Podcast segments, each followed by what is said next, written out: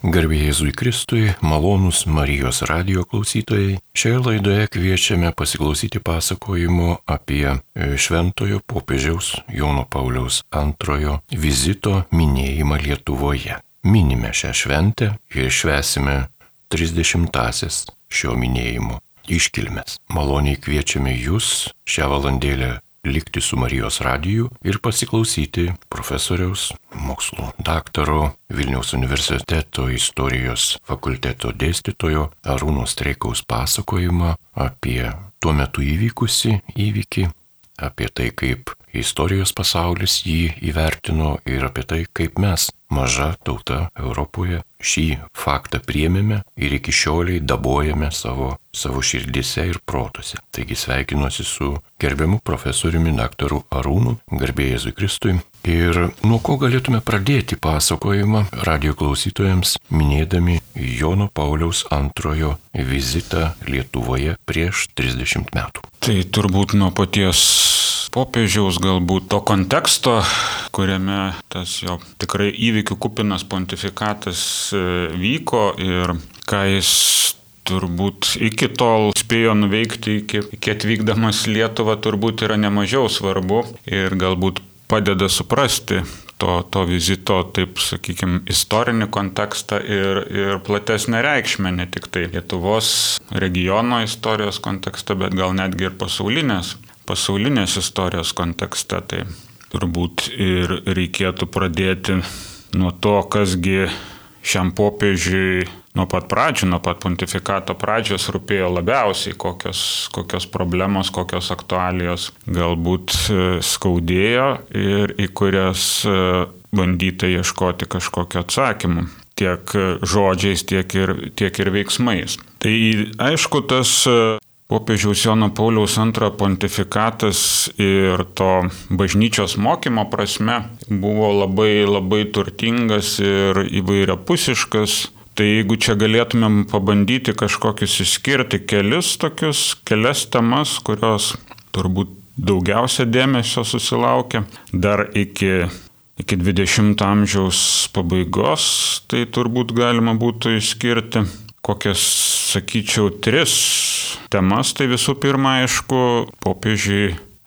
sėdusiam iš Švento Petro sostą atvykusiam iš Krokovos,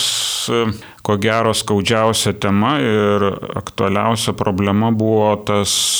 padalytas pasaulis. Ir ypač, aišku, krikščionių padėtis, krikščionių persekiojimas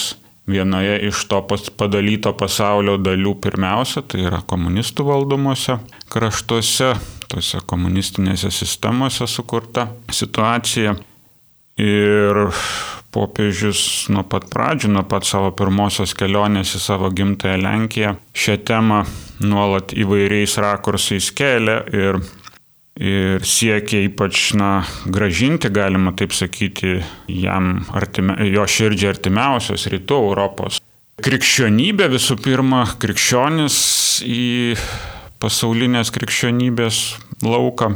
priminti, priminti jų situaciją, jų likimą ir aišku, kiek tai įmanoma, jam buvo e, siekti, kad e, situacija keistusi, kad tas padalytas pasaulis, na, kažkaip tai judėtų į vieną ar kitą pusę. Tai bet prie to mes galbūt dar sugrįšim ir vėliau, O dar galima būtų išskirti dar tu tokius dalykus, kurie kaip tik būtent jo pontifikato metais e, yra turbūt tokie fundamentalūs virsmai bendri. Na, aišku, čia turbūt kalbėti reikia pirmiausia ir labiausia apie vakarų pasaulį. Tai tie du virsmai mano požiūriu, čia kaip istoriko požiūriu, turbūt būtų 20 amžiaus 70-metyje prasidėjusi labai sparti seksualinės kultūros kaita, dažnai netgi įvardyjama kaip seksualinė revoliucija. Tai šitame kontekste popiežius išvelgia tą pavojų kuniškumo suabsoliutinimo bandė ieškoti to krikščioniško atsakymo į, į tuos virsmus ir čia turbūt iki šiol tebėra aktuali, ką rodo ir dabar dar e, žurnale Artuma perspausdinami jo tekstai, jo, jo, jo mintis, tai ta vadinamoji kūno teologija, jo išplėtota, jo pontifikato metais išplėtota. Ta būtent tas krikščioniškas atsakas į, į visą tai. Na ir dar viena irgi, čia dar galbūt netgi fundamentalesnė tema ir kuri na, įgyjo didelio aktualumo ir išeina į pirmą planą, tai tas būtent su post, postmodernizmo, postmoderno epocha ateinanti tiesos surelatyvinimo, relativumo situacija ir apie tai irgi popiežius daug kalbėjo ir netgi tam skyrė specialią encikliką, tai tiesos klausimui, kaip galima tiesa e, tame na, tikrai nuomonių pasaulyje, kai kiekviena nuomonė yra vienodai svarbi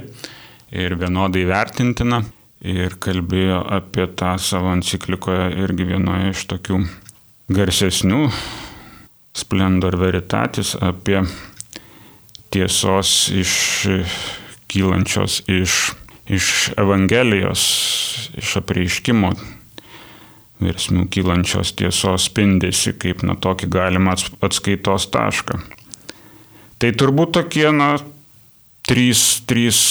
turbūt ir būtų didžiausi, daugiausia popiežiaus dėmesio pareikalavę dalykai, na, atliepiantis būtent tuos didžiausius iš tikrųjų vakarų pirmiausia visuomenės virsmus. Tai yra postmodernus relativizmas, seksualinė revoliucija ir šaltojo karo situacija. Ir, ir ypač, na, pirmiausia, padalyta Europą. Tai tas toks būtų turbūt kontekstas, istorinis kontekstas, kuriame prasideda Jono Pauliaus antrojo pontifikatas, jeigu labai plačiai jį žvelgiant. Mėly radio klausytojai, šiandien minėdami 30-asis Jono Pauliaus antrojo vizito Lietuvoje metinės, mums apie šį nustabų pasaulio žmogų, bažnyčios žmogų, popiežių pasakoja Vilniaus universiteto profesorius dr. Arūnas Treikus. Ir norisi dar pakreipti kitą linkmę pokalbį Visuomenėje plačiuose sluoksniuose be jokios abejonės yra nusistovėjusios kai kurios temos, kai kalbame apie Joną Paulių II. Tai pasikesinimas į jo gyvybę, jo kelionės, kurių metu jis aplankė kaip mini šventas sostas 129 valstybės ir kiti tokie mm, dalykai, kurie yra susijęs su švenčiausios mergelės Marijos apsireiškimais Fatimoje ir ką kita. Jum kokie šio nuostabaus žmogaus gyvenimo įvykiai, ne vien jo pažiūros, bet įvykiai jūs labiausiai domina, paliečia. Tai vėlgi irgi dažnai turbūt aš kalbėdamas ir studentams dažnai mėgstu tą trijų kažkokių tai svarbiausių taškų matricą. Ir šiuo atveju aš turbūt išskirčiau turbūt tris dalykus, kurie jo turbūt ir asocijuojasi pirmiausia su, su šiuo popiežiumi, tai jo, va jau užsiminėm, tai smarkiai su jo pontifikatu išplėsta popiežiaus e, na, kelionių geografija ir bendrai popiežiaus turbūt čia vėlgi reikėtų kalbėti. Kelionės čia yra turbūt jau tik išraiška, bet bendrai popiežiaus santykis e, su, su pasauliu ir e, gal bažnyčios santykis besikeičianti su pasauliu ir, ir taip pat ir popiežiaus galbūt vieta bažnyčioje kažkiek besikeičianti. E, toliau aišku Jono Pauliaus antrojo antikomunizmas, tikras ir menamas ir jo tas vaidmuo būtent tos komunistinės sistemos e, griūtyje. Ir na, galbūt pasikeisinimas kaip į jį, kaip viena iš turbūt tokių ryškiausių tos, tos visos istorijos detalių. Na ir aš išskirčiau turbūt irgi popiežiaus Jono Pauliaus antrojo tokį ryškų indėlį keičiant santykius su kitomis krikščionių bažnyčiomis. Tas jo impulsas duotas e, ekumeniniam judėjimui ir netgi ne tik tai žymiai tokiam gilesniam, svarbesniam katalikų bažnyčios dalyvavimui tame. Tas aišku prasidėjo ir jo pirmtako jau metais, popiežiaus Pauliaus VI tie tokie gestai, bet taip pat ir gal čia netgi didesnis būtų popiežiaus Jono Pauliaus indėlis į jau tarp religinį dialogą, ne tik tai dialogą su kitomis krikščionių bažnyčiomis, bet ir toks atviras, atviras kalbėjimas ir santykiai su, pirmiausia, aišku, su, su judaizmu, su, žydų, su žydais ir taip pat ir su musulmonais. Tas bandymas ieškoti bendravimo ar bendradarbiavimo kelių, tai gal šiek tiek plačiau, jeigu apie visas, visas tas tris temas. Tai pradedant nuo kelionių, aišku, jau, jau minėjau pradžioje, kad tai vis dėlto buvo išraiška kitokio bažnyčios bendrai po antro Vatikano susirinkimo santykio su pasauliu, tas atvirumas pasauliu, ėjimas, nu, siekis atverti bent jau bažnyčios duris, jeigu neišeiti už tų durų. Dar galbūt konkrečiai turbūt pats Jonas Paulius II pirmasis iš popiežių pradėjo tą būtent ėjimą, bandymą eiti į pakraščius. Tai ir tas Jono Pauliaus antrojo dažnas keliavimas turbūt buvo to išraiška.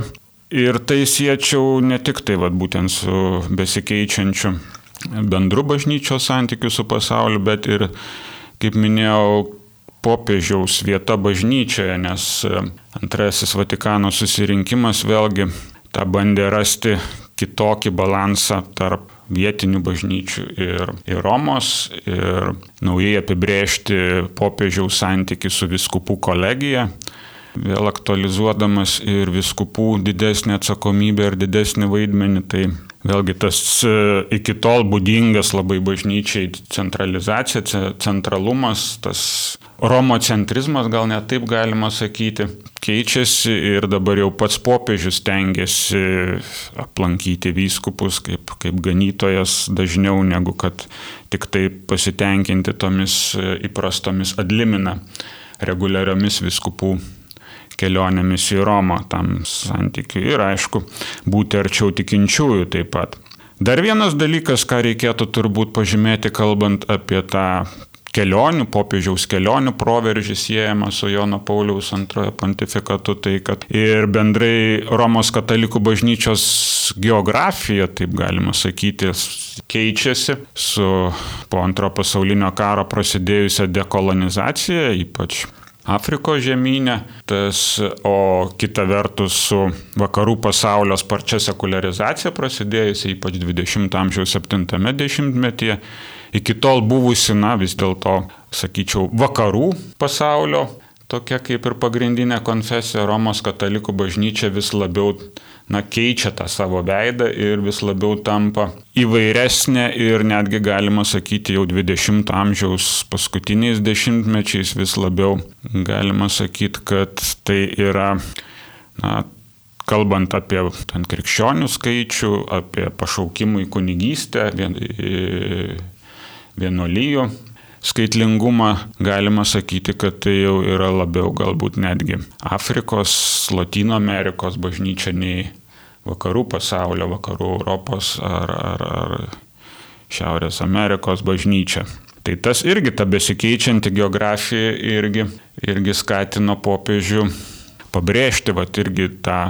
vietinių bažnyčių orumą ir, ir parodyti savo dėmesį jam. Tai vad, jeigu žiūrint netgi žemėlapį, turbūt tų, tų kelionių aiškiai matytųsi, kad Jonas Paulius II irgi e, dažnai keliavo į Afrikos šalis, aišku, pirmą kartą, kai popiežius aplankydamas tuos, tas naujas katalikų bendruomenės Latino Amerikos šalis, net, netgi tos pirmosios jo e, atrodytų, visi mes prisimenam jo pirmiausią kelionę į gimtąją Lenkiją, iškart po jau tapimo popiežiumi, bet prieš tai dar jis spėjo aplankyti ir Meksiką, ir, ir Dominikos Respubliką, tai tas irgi rodytų tą kryptį. Na ir aišku, paties popiežiaus jau čia asmenybė, jo mokėjimas ir noras kalbėtis su žmonėmis, mokėjimas kalbėtis miniai, tie ta charizmatiška jo asmenybė ir jo aktoriniai sugebėjimai, net neslėpkim to, irgi turbūt prisidėjo prie to, kad šitų kelionių skaičius ir, ir geografija sparčiai, sparčiai plėtėsi nuo pat jo pontifikato pradžios. Taip tai dabar jau galim pereiti ir tada prie kitos temos, tai yra prie to indėlio, popiežiaus indėlio komunistinės sistemos žlugime. Na, jeigu keltumėm klausimą, ar čia galima išvelgti jau dabar retrospektyviai kažkokios kryptingos, sąmoningos antikomunistinė, antikomunistinio veikimo, tai aš nebūčiau vis dėlto šalininkas to, nors tokių, tokių svarstymų, ypač ir populiarioje žiniasklaidoje, viešoje erdvėje yra daug, tačiau Aš man atrodo, čia labiau akcentuočiau tai, kad popiežius vis dėlto ateina iš kiek kitos aplinkos, turi kiek kitokią patirtį negu jo pirmtakai italai. Jis ateina iš komunistinės Lenkijos, turi visiškai kitokią patirtį ir ko gero geriau, sakyčiau, už pirmtakus matė, gal bent jau jautė, kad pasi, pati sistema nėra tokia galinga, kaip atrodo iš, iš, iš žvelgiant iš šalies jautė, galima sakyti, gal intuityviai netgi labiau jautė jos silpnasias vietas ir kas jie gali, kas jie gali, na, bent, jeigu ne, ne, nesužlugdyti, nesuardyti, tai bent išjudinti. Tai dėl to jis turbūt gal visiškai ir nesąmoningai, bet tiesiog savo tokią kitokią, kitokią poziciją to komunistinio pasaulio atžvilgiu, taip objektyviai, sakykim, taip prisidėjo prie jo, na, galbūt šiek tiek spartesnio griuvimo, kuris jau buvo prasidėjęs iš vidaus ir pati sistema paremta melu ir prievarta jinai, na, istoriškai negali egzistuoti ilgai. Na, kad tai nebuvo toks kažkoks tai lūžis popiežių ir bendrai Romos santykėje su komunistiniu pasauliu liudytų turbūt ir tai, kad Jonas Paulius II e, tengiasi pasinaudoti tuo ankstesniu įdirbiu tos vadinamosios rytų politikos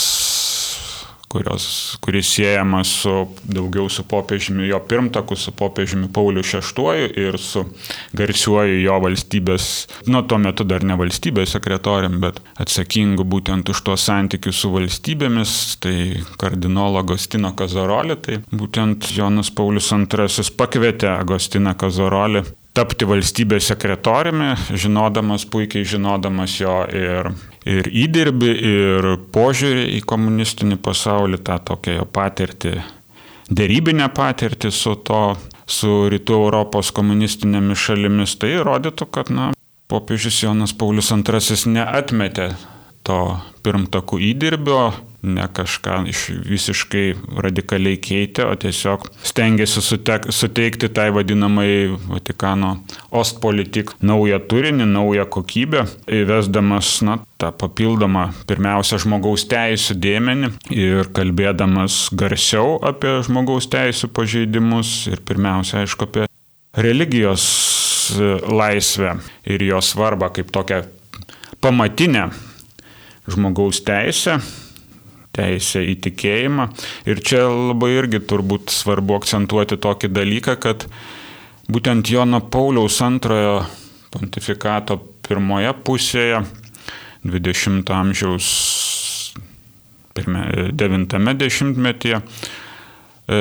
Vatikanui pavyksta religijos e, laisvės klausimą paversti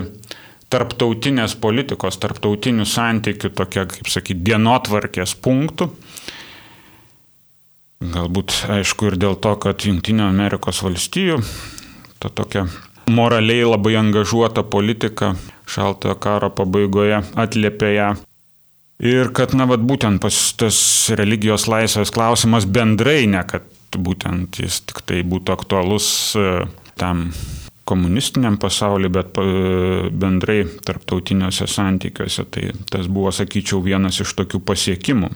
Na ir kalbant jau labiau susijęs visą tą su mūsų regiono kontekstu, dera pažymėti ir tai, kad popiežius Jonas Paulius II nuo pat pradžių išskirtinį dėmesį skyrė be savo, aišku, gimtosios Lenkijos e, trims šalims. Tai Lietuvai, Ukrainai ir Slovakijai. Kaip iš, iš, iš, iš jo veiksmų ir iš e, tokių gestų ir, ir, ir iš tekstų galima matyti tą nuo pat pradžių. Na ir visos tos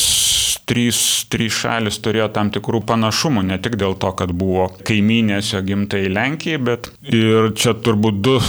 panašumus dera pabrėžti, kad visose juose be negarsiausiai buvo girdimas tas su, su esama padėtimi nesusitaikiusios bažnyčios dalies balsas, aišku, čia pirmiausia Lietuva su savo Lietuvos katalikų bažnyčios kronika, bet taip pat ir Slovakijoje tas e, pogrindinis katakombinis veikimas buvo stiprus Ukrainoje, aišku, tai daugiausia graikų katalikų turėjusi veikti pogrindyje tą situaciją. Na ir antras panašumas, tai kad visos šitos šalis, būdamos nelaisvos savaime, būdamos komunistinių režimų užvaldytos, dar turėjo ir tokį, tokią specifiką, kad buvo federacijų tų komunistinių federacijų dalimi - Čekoslovakijos ir Sovietų sąjungos. Ir jos, na, čia šalia to religinio vaidmens atliko ir tą nacionalinio pasipriešinimo generavimo funkciją.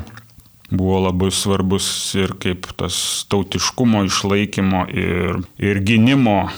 tose, na, aišku, formaliai tik tai federacijose realiai, realiai centralizuotose valstybėse. Tai Tai dėl to turbūt ir tas išskirtinis popiežiaus Jono Pauliaus antrojo dėmesys būtent šitoms šalims. Ir tas dėmesys, kaip ir kitais atvejais, be kitų dalykų labai gerai matomas ir popiežiaus Jono Pauliaus antrojo, na, rodoma E, e, didelis jo rodomas dėmesys tai atminčiai, religiniai atminčiai ir su krikščionybės regiono krikščionėjimo istorijos susijusioms datoms, na tai Lietuvos atveju mes labai matome aiškiai rodoma popiežiaus Jono Pauliaus antrąjį dėmesį. Švento Kazimiero mirties metinių minėjime 1984 metais, po to 1987 metais Lietuvos krikšto jubilėjaus metu, kada, na, iš tikrųjų ir popiežiaus aiškiai rodomas noras, na, jeigu ne pačiam, tai kažkam, na, kad Vatikanas kažkokiu kitu lygmenių dalyvautų šituose renginiuose vietoje, kaip įprasta. Aišku, sovietų, sovietų režimo sąlygomis tai buvo sunkiai įmanoma, bet tas, tos pastangos dalyvauti ir pasiekti, kad būtų leista aiškiai matomos, na ir kad kai to nepavyko padaryti, tada ir tas minėjimas jau ypač Lietuvos krikšto jubilėjaus minėjimas Romoje, aiškiai matomas didelis popiežiaus dėmesys, jo aukojamos ir, ir mišios, ir susitikimai su lietuviais, ir, ir visi kiti dalykai. Tai ko gero būtų tiek apie tą antikomunizmą. Aš norėčiau įterpti dar vieną papildantį klausimėlį. Popiežius buvo mirtinai sužeistas, bet išliko gyvas, kai jį bandė nužudyti profesionalus žudikas toks Ali. Ir tai vyko 1981 m. gegužės 13 d. Gerokai anksčiau iki Sovietų imperijos arba Sovietų sąjungos, kaip mes dabar vadiname, sugriuvimo. Jūs kaip istorikai, kaip šitą derinate tokį iš ankstinį veiksmą, kurį suorganizavo tuometinė Sovietų sąjunga? Ar buvo tam pagrindo, ar jie jau žinojom, matė popiežiaus tam tikrus ketinimus? Čia visų pirma, aišku, nėra turbūt dar iki galo ir nebus greičiausiai, žinant apie dabartinės Rusijos padėtį, nu, tokių šimtaprocentinių įrodymų apie Sovietų sąjungos įsitraukimą ir dalyvavimą šitoje akcijoje tiesioginį ar netiesioginį, nes nuo pat pradžių buvo daug apie tai kalbama šaltojo karo kontekste, aišku. Junktinės Amerikos valstijos ypač aktyviai veikiame tame informa... jau tuo metu vykusio informacinio karo fronte. Nuo pat pradžio apie tai buvo kalbama ir kalbama, aišku, ne apie Sovietų sąjungą tiesiogiai, bet apie Bulgarijos, komunistinės Bulgarijos slaptųjų tarnybų indėlį čia, aišku, vadovaujant ir nukreipiant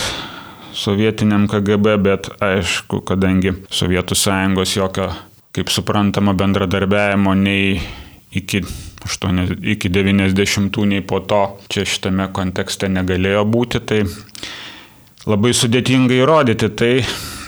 čia buvo įvairių jau bandymų ir po to, ir čia turbūt garsiausias tas 2006 metais Italijoje sudarytos parlamentinės komisijos tyrimas, kuris rėmėsi daugiausia iš Sovietų sąjungos pabėgusio KGB darbuotojo Mitrochino liūdėjimais įsivežtais dokumentais. Tai ten, na, tos komisijos išvadoje daroma ta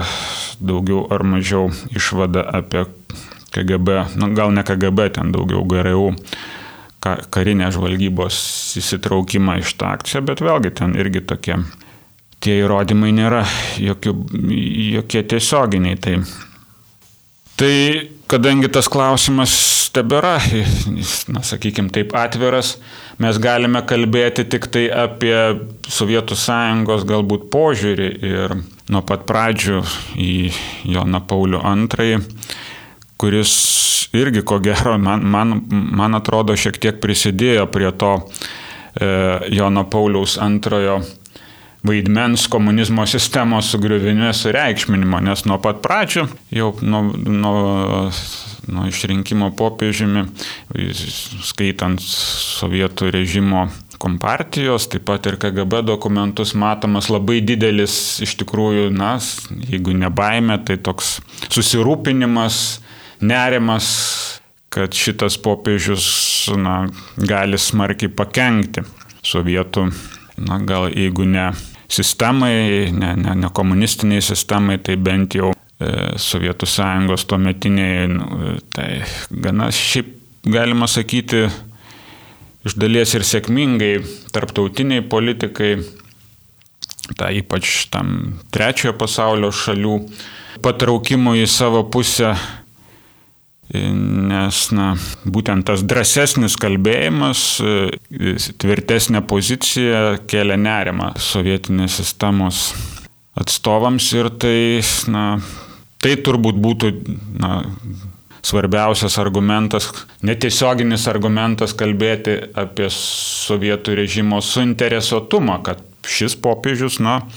kažkaip būtų jeigu ne eliminuotas, tai bent jau jo tas e, veikimas suvaržytas ir kažkaip tai bent jau kontroliuojamas, na, turėt reikia galvoje, kad, na, ir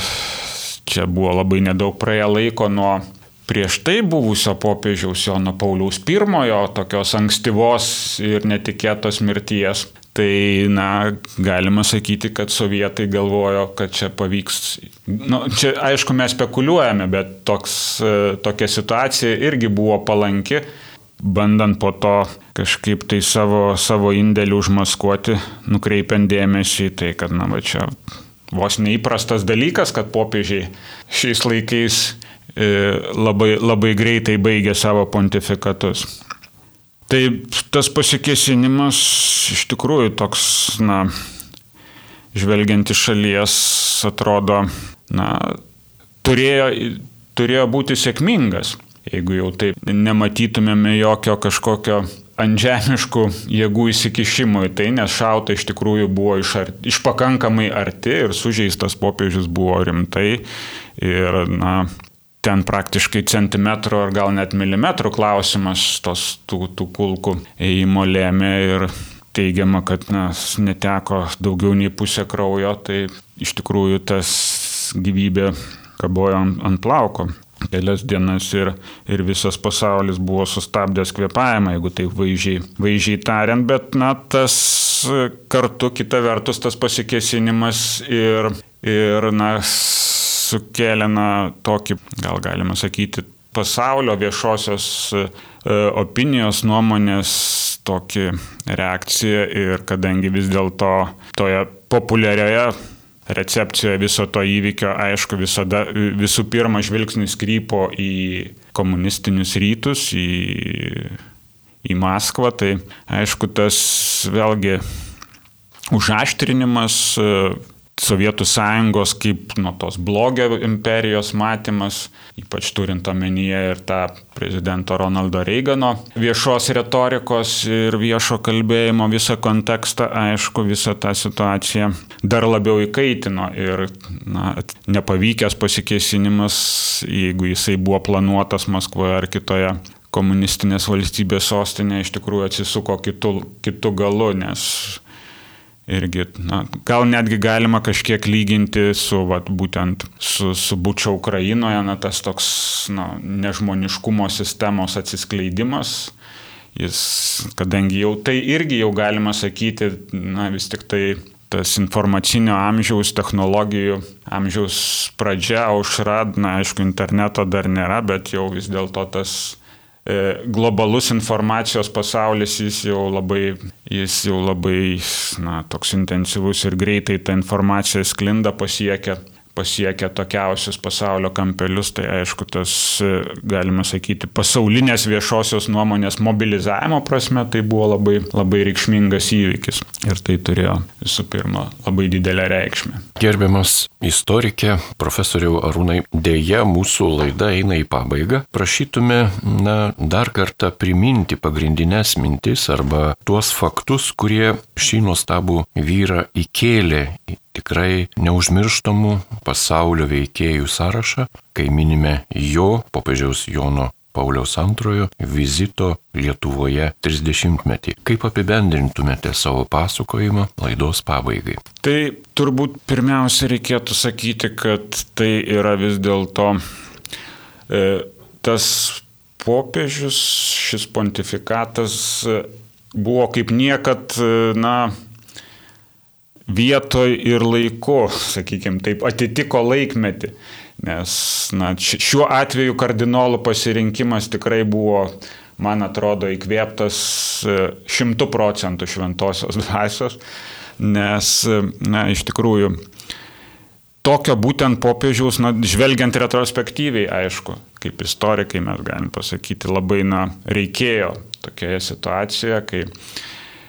kai tas, e, ta komunistinė sistema jau pati pradėjusi buvo griūti ir tai reikėjo kažkokio, na, tokio lengvo stumtelėjimo. Ir to stumtelėjimo būtent ir trūko kaž, kažkokio tokio mora, moralinio autoriteto, kuris galėtų tą padaryti ir, na, popiežius čia gal net ir neplanuotai atliko tą tokį istorinį vaidmenį. Ir, na, va, kaip minėjau pradžioje, jo tas ir asmenybės sankloda labai atitiko tą būtent bažnyčios po antro Vatikano susirinkimo norą ir pasirengimą keisti santykių su pasauliu, drąsiau ir atviriau įeiti, tai popiežius turintis tą tokį tikrai charizminį gebėjimą kalbėti su žmonėmis ir, ir turintis ką jiems pasakyti šių laikų žmogui, ne tik tai, ne tik tai tiems, kas, kas jau tradiciškai yra tik, tikėjime, bet ir tiems, kurie, yra, kurie jau yra galbūt nutolstantis ar nutolę nuo tikėjimo, tai tikrai popiežius, aišku, ypač pirmoje to savo pontifikato pusėje, tomis savo aktyviamis dažnomis kelionėmis santykių, ypač va, dar neminėjom irgi toks turbūt pirmas 20 amžiaus popiežius, kuris labai, labai gebėjo ir mokėjo ir norėjo svarbiausia kalbėti su jaunais žmonėmis, turėjo ką jiems pasakyti. Tai tas irgi labai atitiko laik, laikmečio dvasę ir ko gero be to Jono Pauliaus antrojo gebėjimo patraukti į savo pusę jaunus žmonės, tas Romos katalikų bažnyčios nukentėjimas, taip gal reikia sakyti, nežinau, nuo, nuo tos parčios sekularizacijos būtų dar greitesnis ir dar radikalesnis negu,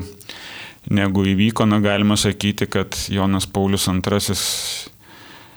tam tikrą prasme jį šiek tiek atitolino ir čia ypač turbūt pasakytina apie būtent rytų Europą, nes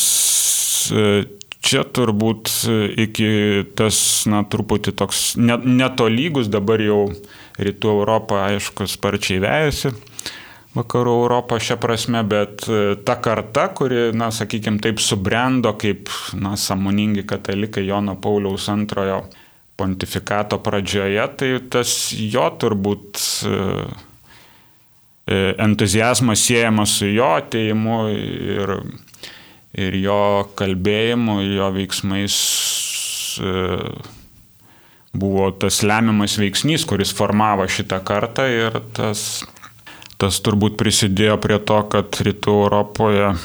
na, bent jau iki 20-21 amžiaus sandūros ta sekularizacija nebuvo tokia sparti kaip vakaruose. Radio klausytojai dėkoja Jums už pasakojimą ir priminimą. Žinoma, daugiau apie popiežių galima rasti. Dabar yra išleista daug knygų apie jo asmenį ir lietuvių, ir lenkų, ir anglų kalbomis. Ir ką palinkėtumėte Jūs kaip istorikas e, savo gildijos žmonėms, kurie galbūt domėsis šio popiežiaus politinė, valstybinė ir bažnytinė veikla? Na čia turbūt sunku kažką linkėti ir kažko norėti. Aš galbūt tik tai dar pabaigai pasakyčiau, kad, na, vėlgi ir kalbant ir apie Pranciškaus dabartinio popiežiaus veikimą ir lyginant galbūt jį su Jono Pauliaus antrojo veikimu, reikia visada turėti omeny, vad būtent tą, tą aplinką, tą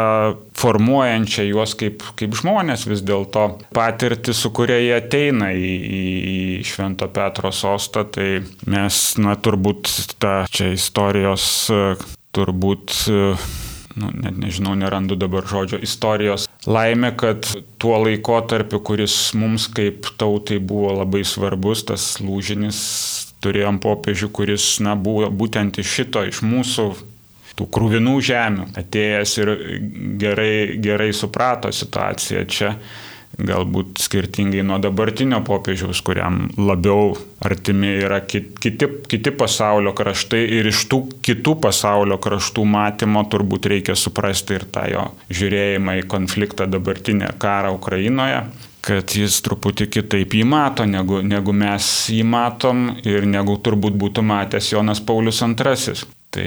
tas, vad būtent čia turbūt ir istorikams tas matymas tų popiežių ankstesnio